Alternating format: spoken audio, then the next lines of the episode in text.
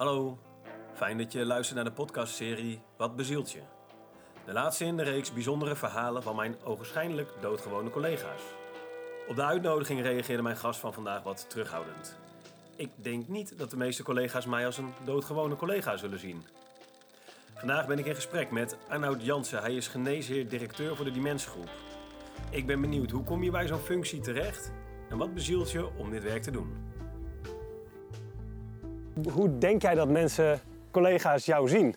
Ja, dat, eh, ik, denk dat je snel een ander beeld hebt van jezelf dan, van de, dan dat de buitenwereld dat heeft. Dus ik, ik weet nog dat toen ik als, eh, net uit de schoolbanken bij spreken als psychiater op de Wester S kwam werken.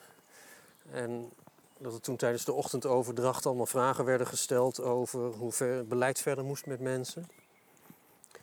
En dat ik zelf zei van, oh, maar dat, dat weet ik wel. Maar daar was ik dus eigenlijk een beetje verbaasd over.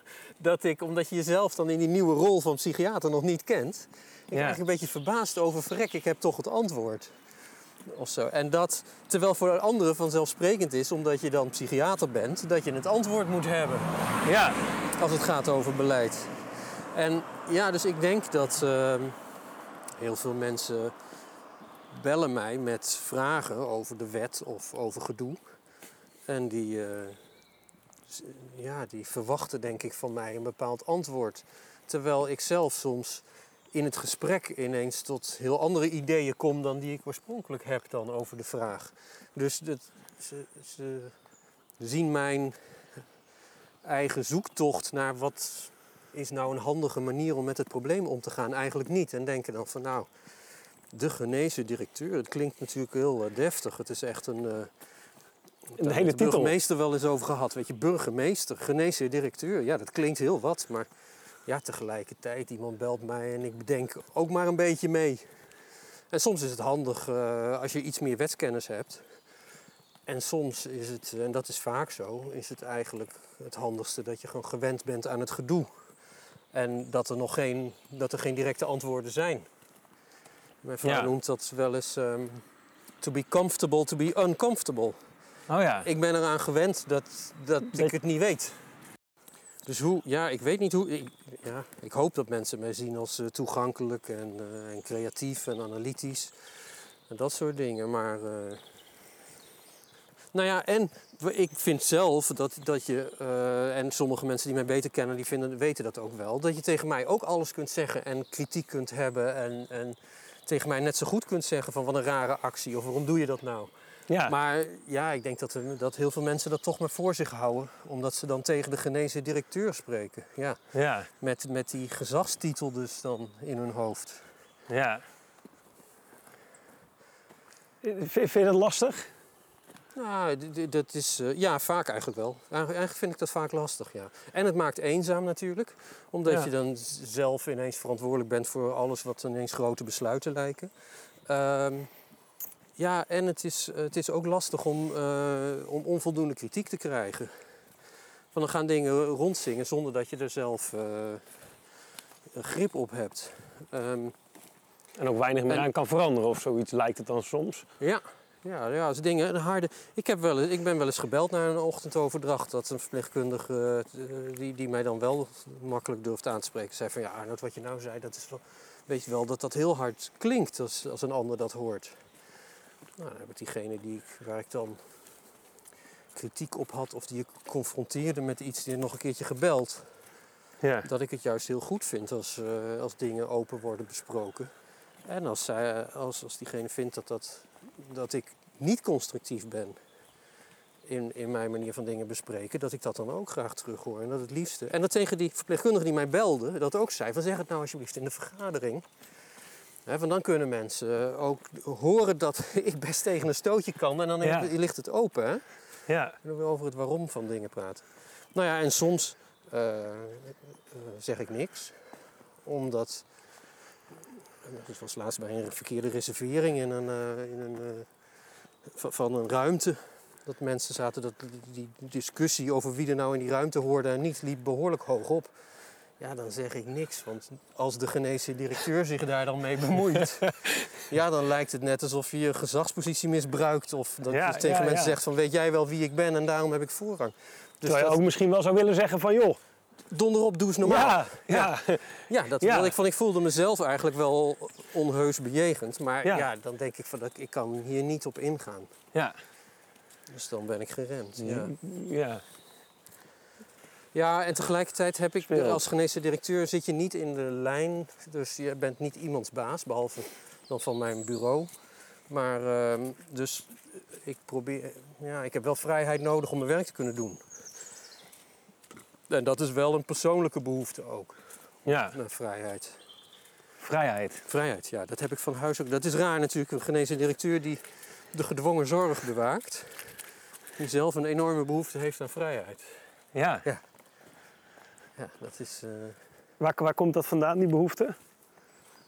ja. Ja, dan moeten we toch wel even terug naar vroeger, denk ik. Nou ja, Daar dat waren is, we hoe dan ook terechtgekomen. Oh, ja? Nou, Ja, ja. Nou, ik denk dat eh, dat heeft met verschillende dingen te maken. Mijn moeder was eh, best grillig, emotioneel grillig, waardoor ik mij liever niet wilde laten vangen. Ik voelde me altijd snel verantwoordelijk overal voor. En mijn vader is eh, en een product van de wederopbouwgeneratie, naoorlogsgeneratie. Hè? Mijn vader is uit 36. Dan moet ik denken aan hard werken, schouders eronder. Ja, ja. niet lullen maar poetsen. Niet lullen, Maar ook, poetsen. eh, als je iets echt graag wil, dan eh, kun je dat altijd bereiken als je je best maar doet. Oh, ja. Dus, eh, en mijn vader, die, dus het verhaal van mijn vader is dat hij geen vader had. Dus voordat de oorlog begon, ging zijn vader dood. Hmm. Ehm, dus hij stond er met zijn moeder alleen voor. Dus hij had een beetje van alles wat ik bereikt heb in mijn leven, heb ik zelf gedaan. maar ja. jij hebt het geluk dat je een vader hebt Oh ja. die jou kan stimuleren. En daar heb ik heel veel last van gehad. Dat ik gestimuleerd ben door mijn vader. Ja, ja dus dat, ik weet niet, dat zijn van die dingen. En later heb ik altijd in, in, met, met groepen gezeten waar ik eh, ja, toch een soort van eh, ja, de eigen regels had. Niet, er zijn, de, de, de, de maatschappij heeft regels, maar wij hebben onze eigen regels. Of dat nou in de studententijd was of eh, daarvoor al bij de padvinderij. Of eh, het wild kamperen of rare dingen doen. Ja, dat hoorde daar eigenlijk altijd wel bij. Het, de- ja, de, vrijheid. Ja. ja. Ik, eh, ik kom uit Delden, geboren en getogen tukker. Ik hou ook van de, van de verhalen uit, eh, tradities en, ja, de oude grond, mythes. En ehm Delden is een- toch een redelijk kleine, klein stadje. Inmiddels is dat een soort van. eh, heeft het de hoogste doktersdichtheid van eh, heel Overijssel. Ja, het is een forensenstadje voor Almelo, Hengelo, Enschede. Maar. En Twente kent dat, eh, die, ook die, die teleurgang van de textielindustrie. Ja. Zo is de, de, de eer en de glorie en daarna de teleurgang. Dat is natuurlijk mijn jeugd, de jaren 70. Eh, ik ben uit 67. Ehm, ja, ik heb heel veel door de bossen gelopen en gezworven. Ik zat op een verkeerde middelbare school, een hele strenge middelbare school, waar ik me heel eh, benauwd voelde. Wat, maar wat, wat was eh, dat dan? Dat je zo- Ja, dat heette zo, de Bataafse kamp. Het stond in Hengelo bekend als een van de strengst, strengere scholen. En dat, ja, ik, met veel eh, discipline en tucht en zo. Nou ja, dit, ja, wat is het? Maar het is natuurlijk niet te vergelijken met eh, de vooroorlogse periode. Maar toch eh, vond ik het wel benauwd. En eh, toen wilde ik graag naar, ik wilde graag naar Amsterdam. Dat vonden mijn ouders niet zo'n goed idee. Die dachten dat ik daar helemaal los zou slaan. Het was Utrecht een soort compromis. Want de meeste mensen uit Twente gingen toch naar Nijmegen of Groningen. Ja. Dus ging ik naar Utrecht. Dat is een overzichtelijke studentenstad. Daar heb ik het wel naar mijn zin gehad. Ook daar weer dingen gedaan die mijn eigen, ja, waardoor ik mijn eigen vrijheid gemaakt heb. Want Dat was, Jij- het, dat was het. Nou ja, eigenlijk in die- die middelbare school zocht je de vrijheid in het bos. Ja. Loskomen van die, ja, van die strengheid op school en Ja. misschien wel die van je vader. Ja. Dus door de bossen zwerven. En in uh, en studentenleven, ik heb eerst een jaar psychologie gedaan. Ik was toen echt nog vrij jong en kon slecht studeren. Psychologie, dat ging dan nog wel. Maar daarna medicijnen, uh, daar had ik de discipline niet voor. Dus dat ging het eerste jaar ook niet zo best. En het studentenleven, daar gaf ik me wel behoorlijk aan over. Um, Hoe zag dat eruit, dat overgeven aan het uh, studentenleven? Nou, een beetje drinken en blowen, maar ook uh, heel veel uh, met, met, met vrienden, clubjes in de kroeg hangen. En ik was lid van een studentenvereniging, maar ik woonde na een tijdje op een hele bijzondere manier, kwam ik in een koorhuis te wonen. Waarbij dat, het studentenleven van het Utrecht Studentenkoor, eh, ook van de andere corpora, Vindicat, Minerva en zo, dat is, wel, dat is ook wel bijzonder. Dat is een wereld op zich. Ja. En ehm, dus ik had als, als huisjongste heb je dan taken met deuren open doen, telefoon aannemen, bierkratten opruimen, kranten opruimen. Nou ja, heb je allemaal na mij, de huisjongste, dus eentje die sliep op een, uh, in de tweede keuken op het aanrecht. En de ander die sliep in de woonkamer achter de bank. Wat zeg je? Het, dat, ja, was het. Nou? Dat, dat was sliep iemand op het aanrecht? ja, dat was 1987. En dan lag een grote plank gemaakt op het aanrecht waar een matras op lag. En daar sliep de huisjongste. Dus dat was, dat, ja, 1987 hè, hebben we het dan over. Dat was toch een andere tijd. En, uh, was toch wel fijn ik, een beetje tucht. Ja, nou ja, tucht, dat zijn dan de regels waar je zelf voor kiest door daar te gaan wonen. Je kunt er ook niet gaan wonen. Maar het, het, grappige was, dat ik was geen lid van die vereniging. En ik woonde wel in dat huis. En ik had wel, dus op een gegeven moment, ik ging ook vrij veel mee naar de, naar de sociëteit en dat soort dingen. Maar ik had dus wel, er waren aan mij geen, voor mij geen verwachtingen, omdat ik geen lid was. Ja. En dat is wel, dus voor mij gelden andere regels dan voor anderen. Ja. Ja, dat vind ik een hele comfortabele positie. Om er ergens wel bij te horen. Maar, maar wel een beetje met afstand. Ja. Ja. ja. Ja, je kunt zeggen dat is ook een armoede. Van je hebt niet je eigen uh, jaarclub daar en je eigen dingen. Maar ik heb wel mijn eigen houvast. En bovendien heb ik ook de houvast in mezelf. Ja, dat is wel... Nou ja, daar heb ik ook veel aan ontleend. Ja, hoe kom je in zo'n situatie terecht? Dat is natuurlijk een beetje raar. Maar dat, dat, dat, dat is dan ook een vorm van toeval die geen toeval is of lot ik heb daar toch zelf voor gekozen. En dat huis uiteindelijk ook voor mij. Ja. En je studeerde medicijnen? Ja, daar heb ik verrekte lang over gedaan eigenlijk. Nou ja, Wat is hoe lang? Uh, ja, ik heb mijn hele studie, als je een jaartje psychologie meetelt, eh, heb ik 9,5 jaar over gedaan. Die vier jaar medicijnen heb ik dus 6,5 jaar over gedaan. En daarna twee jaar kooschappen. 7,5, 8,5. En dat jaar psychologie 9,5 jaar. Ja ja, op een gegeven moment is het dan uh, kiezen of delen. Dan moet het maar, dan ja, is er geen, geen keus meer, dan moet je maar blokken. Ja. Dus dat, dat ja. Ja, ja. ja. En toen ben ik uh, eerst arts geworden in een asielzoekerscentrum. Toen heb ik uh, anderhalf jaar in een ziekenhuis rondgelopen. De gynaecologie, verloskunde, chirurgie, interne geneeskunde. En toen heb ik de huisartsopleiding gedaan, drie jaar. En het laatste jaar wist ik al dat ik psychiater wilde worden. Vanwege al die onbeantwoorde vragen en dat zoeken en die paradoxale interventies die ik gaaf vond en dat geklooi. Zo groei je er zelf ook een beetje in, denk ik. Ik vond in het begin, eh, ja, ik ben ook een veelvraat. In het begin vond ik alles leuk. Dus dat vind je als met een huisartskooschap oren uitspuiten leuk en een wondje oh, ja. leuk en dat soort dingen. En op een gegeven moment worden dat andere dingen, gaat het steeds verder. Ja. En dus toen voor uh, psychiatrie, toen heb ik, ben ik uh, in uh, Venray gaan werken bij het Vincent van Gogh Instituut. Dan zou ik daar in opleiding komen. En vlak voor die opleiding dacht ik van dit, dit, dit, is mijn plek niet. Dat, ik, ik voelde heel veel afstand en ik had eigenlijk een soort aversie tegenover de opleider daar. Hmm. Ik van, hoe, en het is ook 20 jaar geleden, het moment dat mijn uh, oudste geboren werd, dat ik dacht van ja, wat, ben ik nou mee bezig? En toen woonde een vriend van mij in, uh, in Raalte in het buitengebied. En die de stad, de, jongen uit het huis, het studentenhuis. En die, uh, ja, een Amsterdammer. Van een gas Amsterdammer. Die hier in een boswachtershuisje in het buitengebied woont. Dit is gewoon mijn plek. Ja. En deze gast woont daar gewoon. Ja. Hoe kan dat zo zijn? En toen zei hij van, nou ja, dat, uh, dat huisje hiernaast komt, uh, dat staat leeg. Dus we kunnen wel eens met de baron gaan praten. Ja, ik dacht, van, moet ik dan toch huisarts worden in Deventer of zo? Hoe werkt dat? En toen zou in Raalte dus de opleiding starten met Gerrit Glas. En dat viel eigenlijk allemaal samen. En ehm, Gerrit is een opleider die meer vragen stelt dan dat hij antwoorden geeft. Ja, en ik ben eigenwijs genoeg en eh, vertrouw niet zomaar op de goede antwoorden van een ander.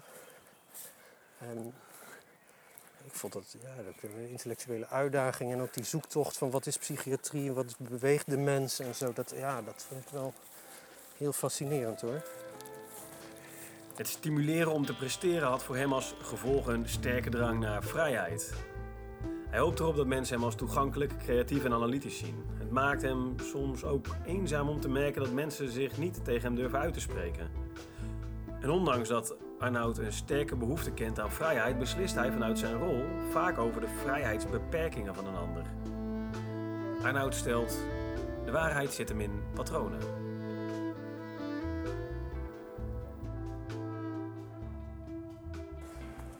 Patronen. De waarheid zit vaak in patronen. De waarheid zit in patronen. Ja. Ja. Dus als, als iemand bij mij komt eh, tijdens een intake en we hebben eh, direct gedoe. Daar hou ik altijd van een beetje, dus ik stuur ook op de confrontatie. Ja? Ja, want het zou naar zijn als iemand zei... Kijk, wat ik dan bespreek is van... God, dat, eh, jij voelt je... Of we hebben nou gedoe, wat, wat is er aan de hand? En dan zegt iemand dat ik er totaal geen reet van begrijp. Ik van, oké, wa- wacht even. Zou wel eens Jij zegt dat je je niet begrepen voelt hier. Eh, ja, dat kan inderdaad. Want volgens mij praten we ook langs elkaar heen. Maar herken je dat nou? Heb je dat nou alleen hier of heb je dat ook... En dan zegt iemand van, ja, dit is the story of my life Oh ja. Dan is het heel goed dat zich dat ook hier voordoet.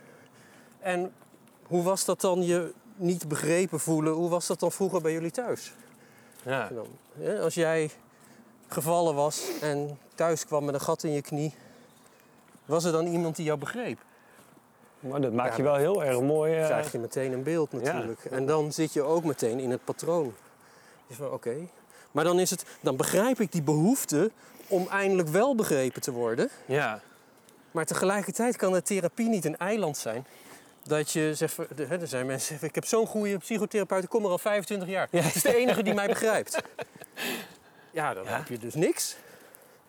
Nee. Dan is het overal oorlog, alleen vrede in die kamer. Ja, ja, ja, Een, half ja. uur per, eh, een half uur per week. Ja. Als je dat dan kan betalen. Ja, maar daar heb je het Ja. dan over. Ja. Dus, Dus- nou ja, zijn vaak natuurlijk van het oplossen van problemen. Dus we proberen vaak het gedoe te voorkomen, ook in de spreekkamer. Maar ja, dat, dat levert nogal eens meer gedoe op. Jij zegt, het, zou, het, het is mooi om juist eh, een confrontatie te hebben om daarin de patronen te herkennen. Ja, ik denk dat je het niet moet schuwen. We zijn ook, eh, Nee. we zijn ook eh, bang voor woede, denk ik, in deze, Hmm. deze maatschappij. En bang voor, voor onrecht. En dus daarom proberen we er vaak omheen te gaan. Maar ja, als dat, dat niet begrepen voelen, of de, de, of de onmacht, of de frustratie, of het isolement, als dat de belangrijke dingen zijn, ja, dan moet zich dat in de behandelrelatie ook voordoen. Dan kun je niet proberen, en ik begrijp die neiging wel, dit is ook de behoefte van de patiënt en de neiging van de hulpverlener, om dat Ja. kosten wat het kost te voorkomen, maar dat werkt niet. Nee. Nee. Hoe- Dus, Het voorkomen van die boosheid, van die agressie, of ja, agressie misschien wel. ja, ehm, Je zegt, daar zijn we best wel toe geneigd om Ja. dat te proberen te voorkomen. ja, Maar dat is niet wat, wat volgens jou werkt. nee. Nee. Ik was bij ehm, ouders die hun kind verloren hebben. En ehm, vreselijk boos zijn op de hulpverlening. Omdat ze vinden dat in hun ogen de hulpverlening gefaald heeft. Door de, die jongen die had zich nooit mogen suicideren. Ja. En ehm, ja, dat is natuurlijk dat is iets, eh, denk ik, dat, dat je als hulpverlener nooit recht lult. Hè? Als, Nee. als een kind do- dood is, dat is zo'n onrecht. Dat is, zo, dat is ook zo groot. Dat kun je niet wegmaken of recht lullen met. Dus de- iemand overtuigen van je goede bedoelingen, of je, dat heeft dus ook geen nee, zin. Nee. En die mensen die, die hebben heel lang gedraald om een afspraak. Ik wilde graag met ze praten, omdat er zoveel gedoe was.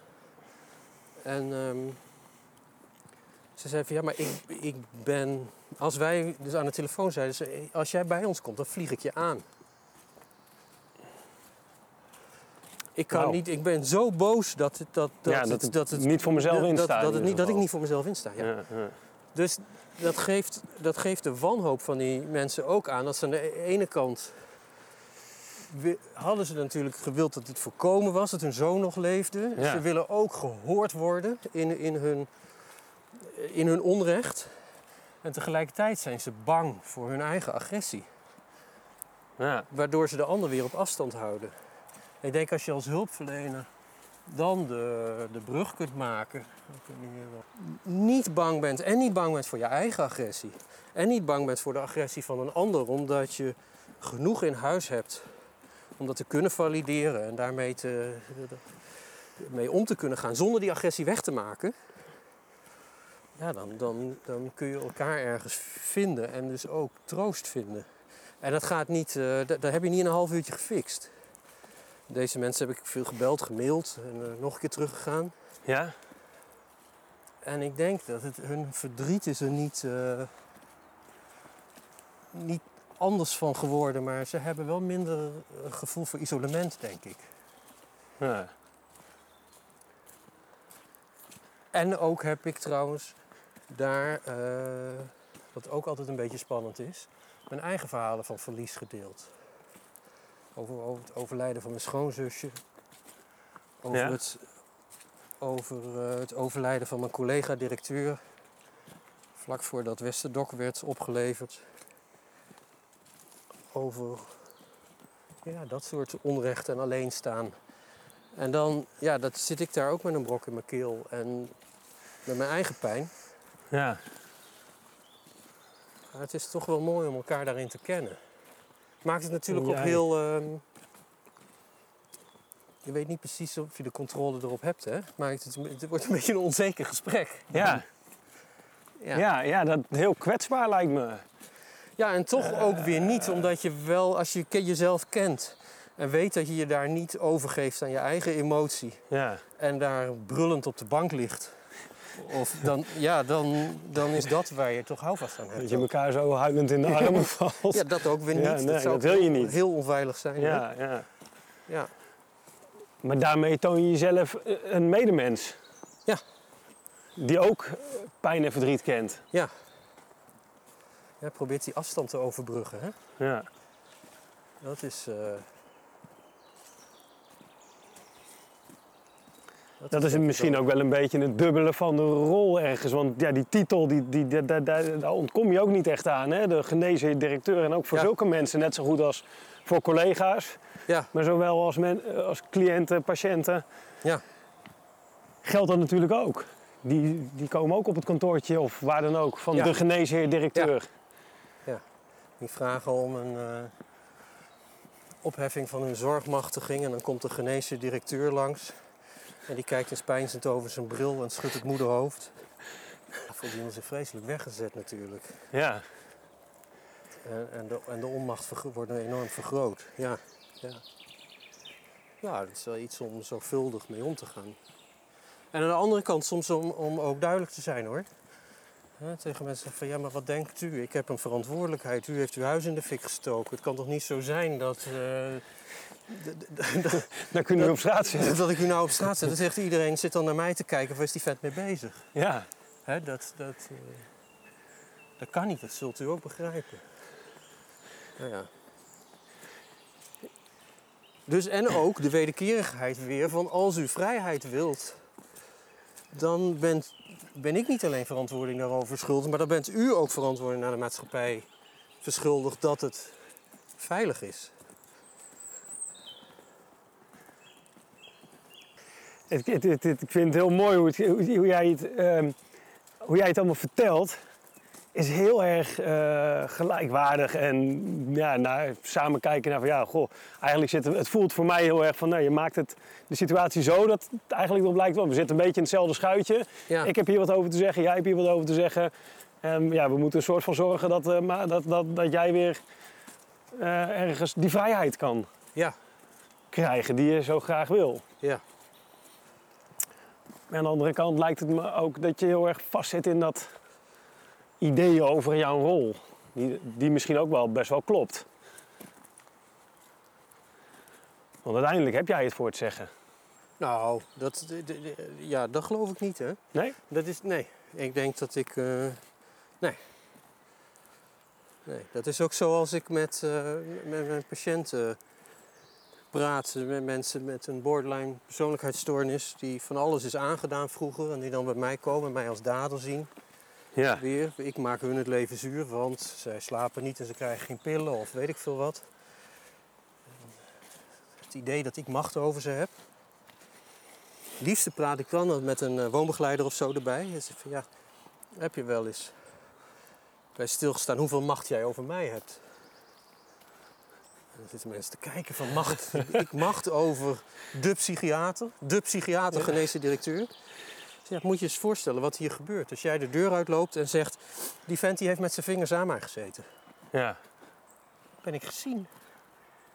kan ik mijn werk niet meer... Is mijn Ja. baan naar de malle moer, is mijn inkomsten naar de malle moer... dan ben ik gewoon gezien. Maar ja, ik probeer in elk geval iemand even in mijn stoel te zetten... dan, om te Ja. zeggen van... God, jij vindt dat Ja. je afhankelijk en overgeleverd bent aan mijn grillen. En je ziet mij als dader, omdat je denkt van... je ziet wel, hij geeft de pillen niet, dus hij heeft het slecht met mij voor Ja, ja, ja. we- weet wel hoe, kwetsbaar. hoe, hoe kwetsbaar ik ook ben Ja. mijn dingen. En hoe er ook op mij, als, hè, dan schrijf ik pillen voor, dan, Hmm. de- de- dan ben je straks verslaafd aan de pillen. Ga je naar de volgende dokter. Je zegt van wie heeft die pillen allemaal voorgeschreven voor jou? De genezen directeur. ja. Mooie vent is dat. Dus dat, je- dat je toch probeert op die, om, nou ja, in elk geval eh, iemand ook dat andere perspectief aan te bieden. ja. En daarmee wederkerigheid krijgt in de relatie. Kijk, gelijkheid eh, zal er nooit zijn. Gelijkwaardigheid, ja, er is natuurlijk bij, als geneesde directeur heb je dan vaak wel, is er wel sprake van een machtsrelatie nogal eens. Wat, dat- betekent, wat, wat betekent dat, gelijkwaardig? nou ja, voor mij in essentie dat je eh, als mens eh, evenveel recht op bestaan hebt, of op gezien te worden, of erkend te worden. Dat is, dat is gelijkwaardig. Maar ja, zo wordt het natuurlijk vaak niet uitgelegd. Want het wordt vaak natuurlijk begrepen ook in de, in de machtsrelatie. Jij ziet jezelf als meer waard dan ik. Ja. Of eh, mensen ervaren snel ongelijkwaardigheid. En dat je dat hebt tegenover de genezen directeur, kan ik me dat wel voorstellen. In de systemen, in het systeem ben jij meer waard dan een ander. Nou, in elk geval verdien ik meer. Ja. Dus het is de organisatie kennelijk of de, de samenleving meer waard. Ja. Ja. ja wat, is- wat, wat is het waard? Hè? Ja. ja. Nou, en die machtsrelaties vind ik ook wel... Dat is, dat is ook iets heel boeiends, denk ik. Zeker omdat ik ga over de gedwongen zorg ook. Ja. Kijk, Hannah Arendt beschrijft eigenlijk ook over eh, de, de, de, nazi's en, en de slechte Duitsers en zo. Dat dus de vraag is wie heeft het meeste onmacht? Degene met het pistool in de hand of de ander? Hm. Hè? Als je macht over een ander wil hebben, waarom heb je dan een pistool nodig? Ja. Kennelijk. Dat, dat zeg ik bij een aanvraag zorgmachtiging ook vaak. Als de gemeente zorgmachtiging aanvraagt. Zeg van, is dat onderdeel van een plan? Of is het bij een gebrek aan een plan? Hm. Als het is bij gebrek aan een plan, dan, hebben, we- dan gebruiken we macht Ja. als verweer tegen onze onmacht. Hm. En wat zeggen ze dan? Dat is wel een armoede natuurlijk. Ja, dat is armoede. Ja, dat is Ja, verschrikkelijk. dat is ook het einde van beschaving. Ja, wat, wat zeggen mensen dan? Die zeggen dan van ja, Maar maar, kan is- toch niet zoveel anders en die denken vanuit hun eigen waarde. Veiligheid voor de samenleving. Of, eh, Maar is dat toch niet vaak zo in, in de kern, wat, het werk wat we doen? De maatschappij die schuift maar mensen naar ons toe. Zo van, ja, dat, we weten het ook niet. Het is een soort van onmacht, toch?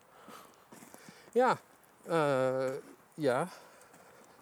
En dan gaan wij macht gebruiken Ja? Om, om, om onze eigen, dat is in een parallel eh, proces, om onze eigen onmacht te ver- ver- verbloemen. Of als verweer tegen onze eigen onmacht. Ja. Ja, ja. Ja, je, je kwam nou op omdat, omdat ik een beetje Ja, over suggereerde... macht ging het. Ja, over macht. Hè? Van, ja, nou ja, en, en is dat niet gewoon eigenlijk altijd uiteindelijk zo? Is wat zo?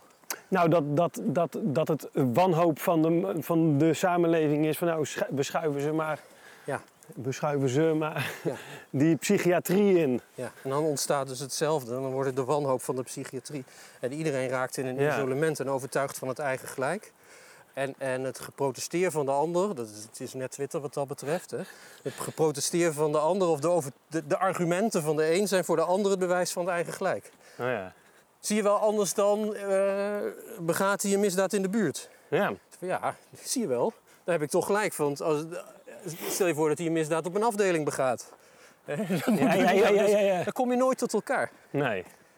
En ja, moeten wij dat dan oplossen? Nee, ja, wij, maar kijk, wij hebben, dat vind, ik, dat vind ik wel belangrijk, wij hebben een bepaalde kennis. Eh, Er zitten allemaal heel hooggeschoolde mensen bij ons en we hebben een bepaalde kennis die kan bijdragen eh, aan een goed verhaal voor de maatschappij. En dat is natuurlijk, dat is wel raar, eh, dat je die kennis gewoon kunt toepassen op je patiënt en eventueel op zijn patiënt en zijn naaste. Maar zo gauw je zelf met je eigen ketenpartners naasten zit, dan kun je die kennis ineens niet meer gebruiken. Ja, dit is onderdeel van het complexiteitsverhaal. Wij zijn een, een, een spreeuw in de zwerm. Dus je kunt niet onbevangen naar die zwerm kijken, Nee. omdat je er zelf ook in zit. Ja. Laat staan dat je kunt zeggen van oké, dan gaan we op die, die spreeuw links voorsturen. Ja, ja, ja. En dan trekken we die hele zwerm die kant op. Dat werkt ook niet. Dus je kunt alleen maar sturen op de interactie. Maar verge- we vergeten het als we er zelf in zitten. En volgens mij is dat Ja. wel echt een, een gevaar van deze tijd. Suggestie van beheersbaarheid. Waardoor je nou, op inhoud, op taal en zo gaat sturen, maar niet op de interactie. Ja. En dat vind ik, je, je, je, die, nou artsen zijn of verpleegkundig specialisten, psychiatrische verpleegkundig specialisten, verpleegkundige psychologen. en Mensen hebben het nodig nu om veel procesva- procesvaardigheden te leren. Dus niet alleen maar die competenties van het juiste pilletje of de juiste vorm van psychotherapie, of hoe je die psychotherapie state of the art toepast. Maar juist dingen als samenwerking, rollentaken, verantwoordelijkheden, gedeeld Mhm. narratief. Dat, dat soort dingen, dat moeten we leren. En dat, je, je hebt het idee dat dat, als we niet oppassen, Ja. dat het binnen de GGZ... Ja, dan houden we vast aan een zogenaamd beheersbare wereld. Ja. En dan. eh, dus ik, eh, op de afdeling eh, werd ik in de dienst gebeld door een artsassistent. Er was een patiënt heel heftig te bonzen. Hoofd kapot. En de vraag was: hoeveel mogen we er spuiten en mogen we naar de EBK brengen? Ik zeg: Nou, wacht maar even. Ik kom er wel aan. Nou, mijn jongste hond in de auto gestopt. Jij hebt hem net gezien, dus Ja, ja, ja. anderhalf jaar geleden was dat Ja. veel onstuimiger. Dus ik kwam met de hond die afdeling op. En het eerste wat die hond deed was bij dat meisje van 18 op bed springen. Ja. Dus dat kind was helemaal uit haar eigen trance van het bonken. Die, die schrok en die keek van, hé, hey, een hond. En nou, aaien, lief. En zo. En toen hebben we het een tijdje gehad over of zij was met, voor haar met honden en zo. Ze miste de honden van thuis en hoe het dan was thuis. En oh, wat gedoe en weet ik wat. Nou, oké. Na een kwartiertje knuffelen en aaien. eh, ben ik weer weggegaan. Helemaal niet over het bonzen of wat gehad. En toen zei, eh, zeiden ze daarna van... Ja, maar Arnold, wat gaan we nou doen als ze zo weer gaat bonzen? Ja. Zei, nou, ja, die Haal je hond op. meisje is zo moe, die houdt zo wel op. Toen begon ze weer te bonzen. En, en ja, nu dan? Nou, dan zei ik, nou, laat maar even bonzen. Ik ga zo wel slapen. Dus die ging inderdaad na twee minuutjes slapen. Ik was al helemaal uitgeput. Maar ehm de artsassistent zei tegen mij van... Ja, ik vind het gaaf om te zien hoe dat werkt en wat je doet. Ja. Maar als ik als artsassistent mijn hond meeneem naar de afdeling... om dit soort dingen te doen, dan denken mensen allemaal van... waar is die gast mee bezig, joh? Mhm. Dat kan ik niet. Ik, kan- ik kan dat niet maken. Ik zeg, ja, dat zou, is toch eigenlijk wel jammer. Dat is toch eigenlijk wel jammer. Ja, maar hoe komt dat dan? Dat diegene dat, die, dat idee heeft dat dat niet kan? Ja, maar ik denk van, wat is de stoornis? Wat is de richtlijn? Welke pillen horen daarbij? Wat moet er gebeuren? Ja, maar die heeft zelf de overtuiging dat andere mensen dan vinden van... Ja, dat kan Ja, niet. Je je- kan niet als artsassistent met een Nee. hond op de afdeling Zo komen. gauw je je tools loslaat, je pillen, je recept, je, je EBK, je beheersing, dan ben je dus als artsassistent je rol en je, en je identiteit kwijt. Hmm. Dan zeggen ze van ja, dan kan ik het net zo goed zelf doen, bij wijze van spreken, want ik heb ook een hond. Ja. ja, prima. Nou, wat let je? Ja. Ja. Ja. Ja, ja, ja. De truc is natuurlijk eigenlijk dat je denk ik zoveel inzicht hebt dat je in dat soort situaties snapt wat nodig is. En of je nou je hond meeneemt of je parkiet of jezelf, dat maakt eigenlijk niet uit. Maar dat je snapt wat je doet. En soms, ik snap ook niet, kijk, ik weet ook niet wat er gebeurt met die hond. Nee. Ja, kijk, het ergste wat er kan gebeuren is het verlies wat je toch al incalculeert.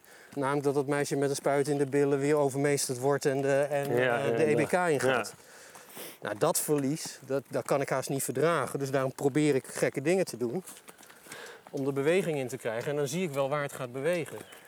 Ja. En jij, jij noemt het gekke dingen. Ja, maar, eigenlijk, maar dat is eigenlijk vanuit een niet-GGZ-achtergrond... is dat eigenlijk misschien juist heel gewoon. zijn het normale dingen. Dat, dat Nou iemand ja, gewoon heeft met een... dus, de, dus de interactie niet meer in een, in een symptoomgedrag van dokter-patiënt relatie. En jij communiceert op die manier en dan staat mijn communicatie op deze manier tegenover. Nee, je haalt het eruit en je maakt het anders. Ik denk dat dat ook een vorm, als je het hebt over gelijkwaardigheid, ik denk dat dat ook een vorm van gelijkwaardigheid is. Ja.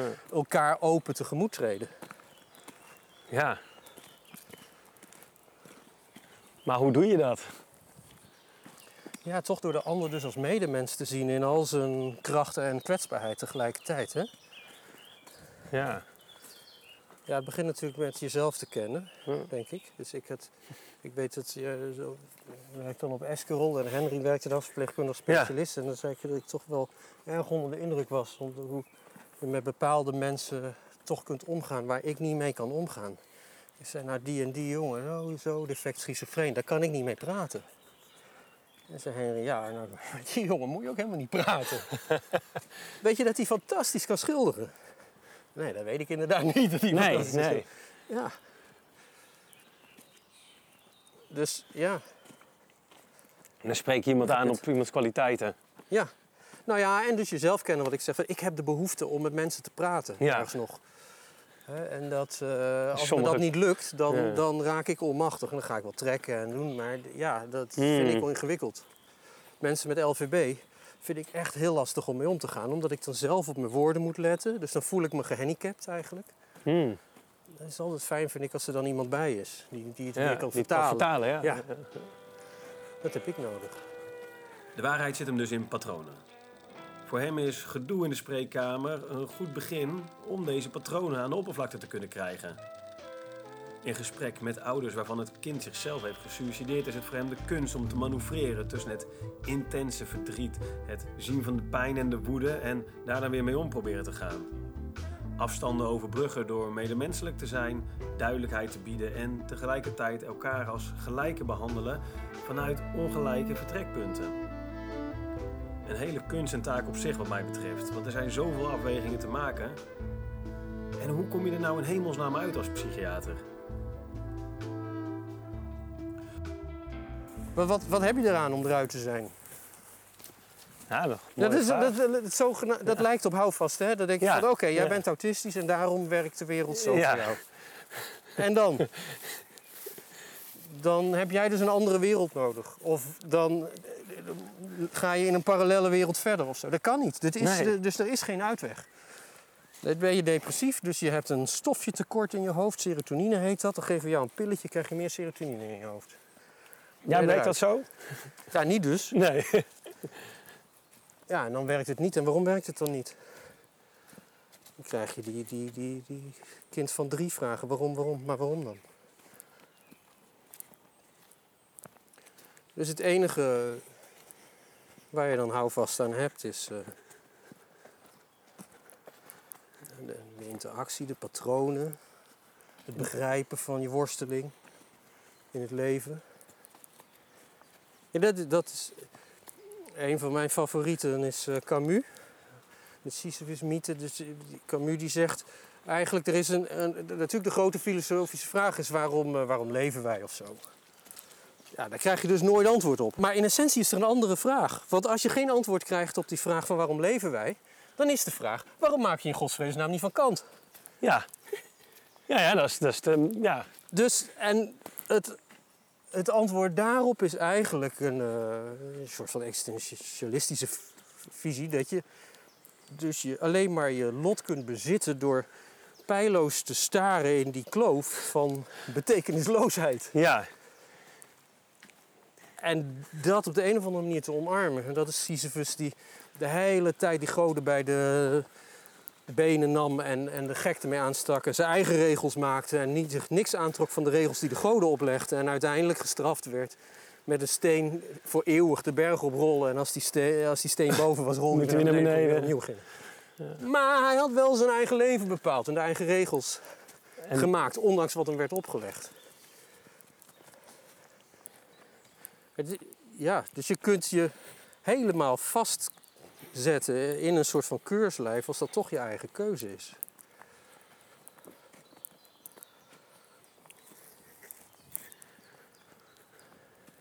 En dat geeft, dat geeft mij dus weer vrijheid. Binnen, ja. Binnen de rare kaders. Nou, dat is denk ik ook, dat, dat is natuurlijk de genezen directeur Ja, van een ja. organisatie ook. Hè. Ik ben een onafhankelijke plek heb ik in de organisatie. ja. Ter- terwijl, ja, ik, dat, was ook het begin van het gesprek eigenlijk. eh, ook aan handen en voeten gebonden ben in mijn eigen rol. En ook weer de vrijheid heb om die eigen rol vorm te geven. Hoe verhoud ik me nou tot de Raad van Toezicht? Hoe, hè, dat, dat, is, dat, dat zei eh, iemand over mijn verhaal bij de Raad van Toezicht. Die zei van, ik heb nog nooit dat, zoiets gezien. Een geneesde directeur die gaat naar de Raad van Toezicht... gaat hij een, een PowerPoint-presentatie houden over de dwang- en drangcijfers en de klachten. En jij gaat daar zitten en je vertelt het verhaal hoe de samenleving in elkaar zit. En hoe onze organisatie zich er wat jou betreft toe verhoudt en wat onze klus nog is om te doen. Wat is dat voor verhaal? Hoe ziet die maatschappij eruit en wat, wat, wat hebben wij te doen? Eh, dat gaat over wederkerigheid en betekenisgeving. Dus wat ik, wat ik zei, dat, dat, dat verhaal van samenwerken, onoplosbare casuïstiek, daar kun je alleen maar psychiater zijn. Niet omdat je jezelf je houvast vindt in het recept, maar omdat je betekenis kunt geven aan die vergadering, aan het beter maken van de samenleving en die patiënt, door je eigen rol daarin te spelen. Maar alleen maar in relatie tot de agent of tot de regisseur van het wijkteam, casusregisseur of zo. Ja. Dus, dus dat is, dat is ons verhaal, mijn verhaal.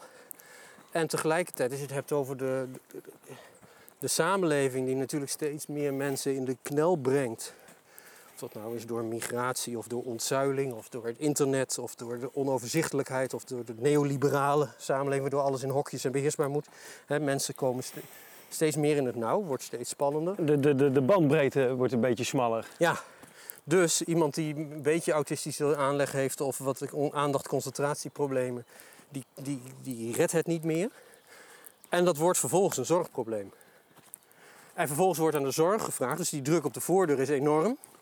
De, de verantwoordelijkheid voor de GGZ is ook enorm om al die shit eh, op te lossen in de maatschappij. En tegelijkertijd mogen we ons eigen probleem, namelijk de wachtlijsten, daarmee ook oplossen. En zit je, krijg je een soort wantrouwen van de maatschappij. Van doen, zij doen het niet goed, van kijk maar naar die wachtlijsten. Ze zorgen Ja. alleen voor zichzelf.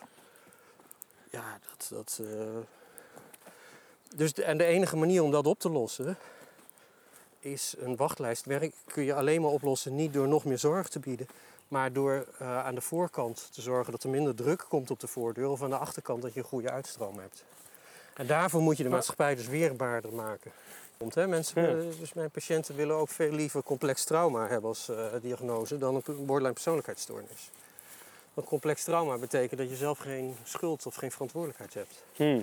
Dat moet een ander jou beter maken. Ja. Ja. En dan zeg jij, Ik, eh, de- ik had een meisje die zei van ik wil, eh, wil euthanasie. Ze zei van ja, nou breng je mij in een situatie dat ik niks meer kan. Want als ik niet meewerk aan jouw euthanasieverzoek, dan erken ik jouw lijden niet. ja, Werk ik er wel aan mee, dan geef ik de hoop op. ja, En dan geef ik jou uit handen aan een ander terwijl ik je, je zou willen helpen.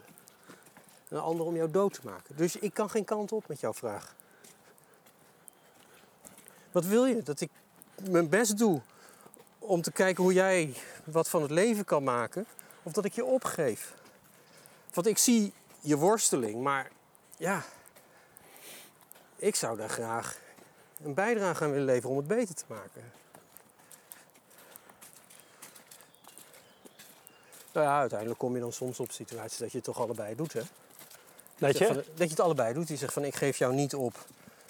En ik Ja. denk ook niet dat je voldoet aan de criteria, want de hoop is niet opgegeven voor Nee. jou.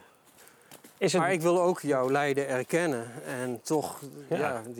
Jij bent de baas ook over je eigen leven voor een gedeelte. En als jij met, dat er iemand met jou meekijkt of je dood mag, oh, ja, O- oké, kijk daar ook maar naar dan. En dat doen we allebei. En uiteindelijk werk je dan hopelijk een beetje naar een betekenisvolle relatie. Waarin je die, die, die onmacht van die patiënt, die dan bij mij wordt neergelegd, waardoor ik hartstikke klem kom te zitten, waardoor je die samen ervaart.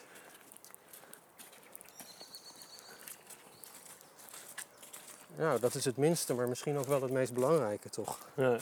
Belangrijker dan dat pilletje om te slapen.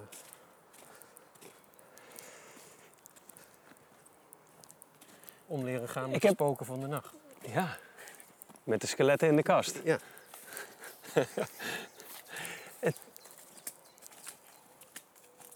En toch in de praktijk gaat het daar best wel veel over. Over het, eh, doen we dat toch veel? Wat? Pilletje geven voor het slapen. Tuurlijk. Uit, eh, nou ja, soms omdat je denkt dat iemand daardoor minder st- last heeft van zijn stem of zo. Of betere stemming krijgt. Of meer controle over zijn emoties en zijn gedrag.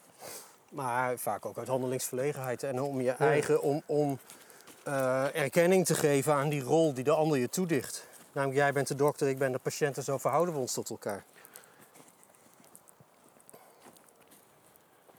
Daarom. Ja, dat is houvast. Dat is, dat, is een, dat is onze nieuwe religie dan, hè? Ja. De betekenisverlening. Nou snap ik hoe de wereld in elkaar zit. Ik heb een probleem, jij bent een dokter.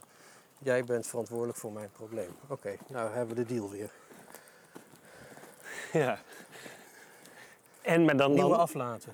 maar dan, ja, de, nieuwe de nieuwe aflaten. aflaten, ja. Ja. Maar dat, dat, dat, dat...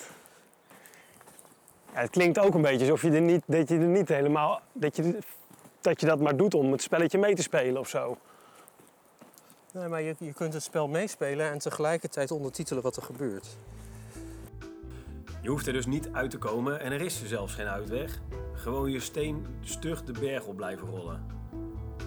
Ik heb nog twee vragen over angst en de ideale GGZ. Zijn er dingen waar je echt bang voor bent? Ehm. ja, ik, ja, dat denk ik wel. Dus in het patiëntencontact. eh, nou ja, in, in, in mijn, op mijn plek over eh, dat we dingen bedenken over verantwoording aan de inspectie of weet ik, en dat het niet lukt. Natuurlijk. Dat je in, in- in het niks aan het fietsen bent. Mhm. Dat je mensen niet meekrijgt. Aan, eh, in patiëntencontact ehm, vind ik dus soms sommige forensische patiënten of eh, mensen niet, niet zozeer het narcistische, van, van eh, ik gebruik jou om mijn behoeften te vervullen, maar de kilte soms die er is als je instrumenteel gebruikt wordt, daar schrik ik vaak van. Dus het gebrek aan, totale gebrek aan contact en wederkerigheid. Ja. Daar kan ik enorm van schrikken. Dan, dan, ja, dan bevangt mij, ik denk dat het ook een parallel proces is, de existentiële leegte van de ander, Ja. die dan vat krijgt op mij. Ja, daar, eh, dat kan mij wel bevangen, ja. Maar ehm, je moet iets met die angst. Wat nou als ik mijn hond meeneem naar de afdeling Ja. en dat meisje blijft bonken en de verpleging zit mij aan te kijken. Waar staat die gozer met zijn hond, joh? Een kind maf- gewoon, die bonkt de Wat hele een hoofd. Die bonkt Ja. zich een schedelbasisfractuur en, en daar staat die gast met zijn hond. Ja. Dat is natuurlijk ergens ook wel de angst die ik heb, ja. ja. Dat je daar een beetje voor lul staat. Bij een kind Maar wat je hebt nog een troefkaart achter de hand. Ja, je spuit. Ja. De macht. TBK. Ja. ja. Ja. Dus dat neemt misschien wel weer wat angst weg, hè?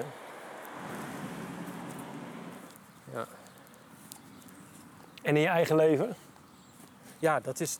Dat is eh, ja, op het moment dat je dat vraagt, dan krijg ik al een brok in mijn keel. Dat.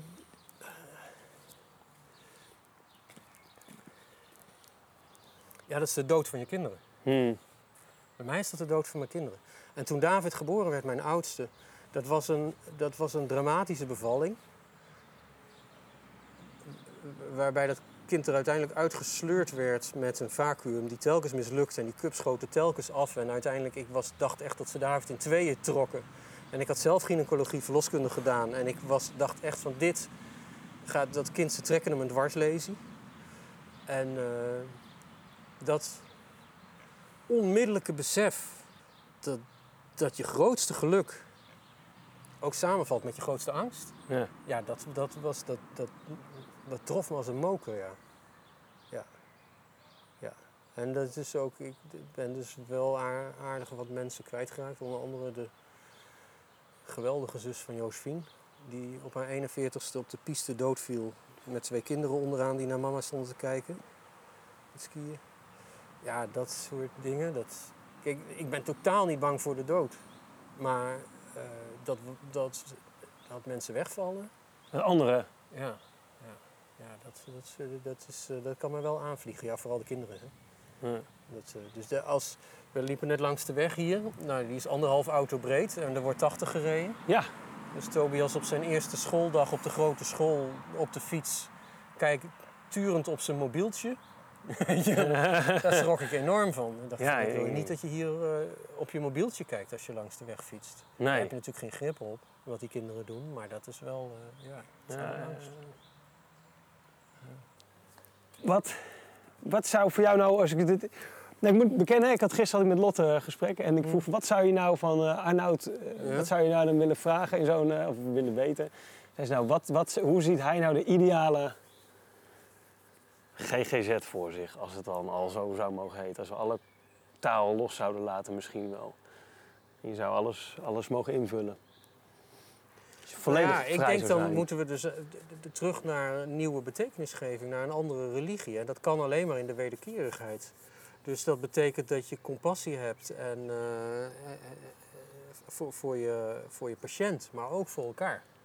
Dat je dus niet dat je betekenis ontleent, niet alleen aan het recept of zo, maar aan wat je voor iemand kunt betekenen, maar ook hoe je dus in de context van die patiënt, dat je ook een bepaalde contextsensitiviteit hebt, dat je in het vangnet, dat je een vangnet kunt organiseren, dat je in het vangnet betekenis verleent, dat je meerdere heren kunt dienen, dus niet alleen maar eh, zorg biedt voor je patiënt, maar ook voor de wijkagent of ook voor Hmm. de eh, woningbouw. Of dus dat je daarin kunt manoeuvreren en dat dus ook samen een betekenis krijgt. En dan krijg je ook een beetje, dat is dan weer een soort van Ubuntu-gedachte. Het Afrikaans, van als één van ons leidt, dan leiden we allemaal. Waardoor je eigenlijk opgenomen voelt in een geheel, ja. En dat kan, denk ik, houvast aan identiteit bieden. En, het, en aan de andere kant zouden we, moeten we gewoon de, de waarheid niet zoeken in, eh, op een gesloten afdeling. Dat hoort, die, die, die moeten we zoeken in betekenis geven voor de maatschappij. Voor Hmm. de scholen, voor de voetbal, voordat we daar he- het woord prediken. de, de gesloten afdeling is een soort van lelijk symptoom van. Ja, eh, ja, het is onderdeel van hoe wij eh, als maatschappij met gekte omgaan. Maar eh, het is ook om mensen te beschermen natuurlijk. Dus ik, zie, ik, ben niet tegen een separeren of tegen een gesloten afdeling. Maar ik bedoel, daar moeten we niet het, het, het grote heil vinden. Nee. Nee. Zoiets? Het is aan jou. Jij mag het helemaal invullen. Nou ja, dat denk ik. Wat mij betreft een bevestiging van wat hij hoopt dat mensen in hem zien. Toegankelijk, creatief en analytisch en daarnaast voelde ik een sterke betrokkenheid en kwetsbaarheid. Ik was in gesprek met Arnoud is geneesheer-directeur voor de Dimensgroep. En dit was alweer de laatste aflevering waarin ik met collega's van de Dimensgroep spreek. In de volgende serie ga ik op zoek naar de bijzondere verhalen van de mensen die behandeling volgen of hebben gevolgd bij de Dimensgroep. De podcastserie Wat bezielt je maak ik in opdracht van de Dimensgroep vanuit de Overvloedbeweging. Nieuwsgierig naar wat dat is? Kijk dan op dimensgroep.nl slash beweging van overvloed. De illustraties bij de podcast is gemaakt door illustratrice Joska van Oosten. En de muziek die je hoorde is het nummer Puppet Maker van de Australische band The Tailorbirds. Voor nu, heel hartelijk dank voor je aandacht en blijf luisteren en vragen.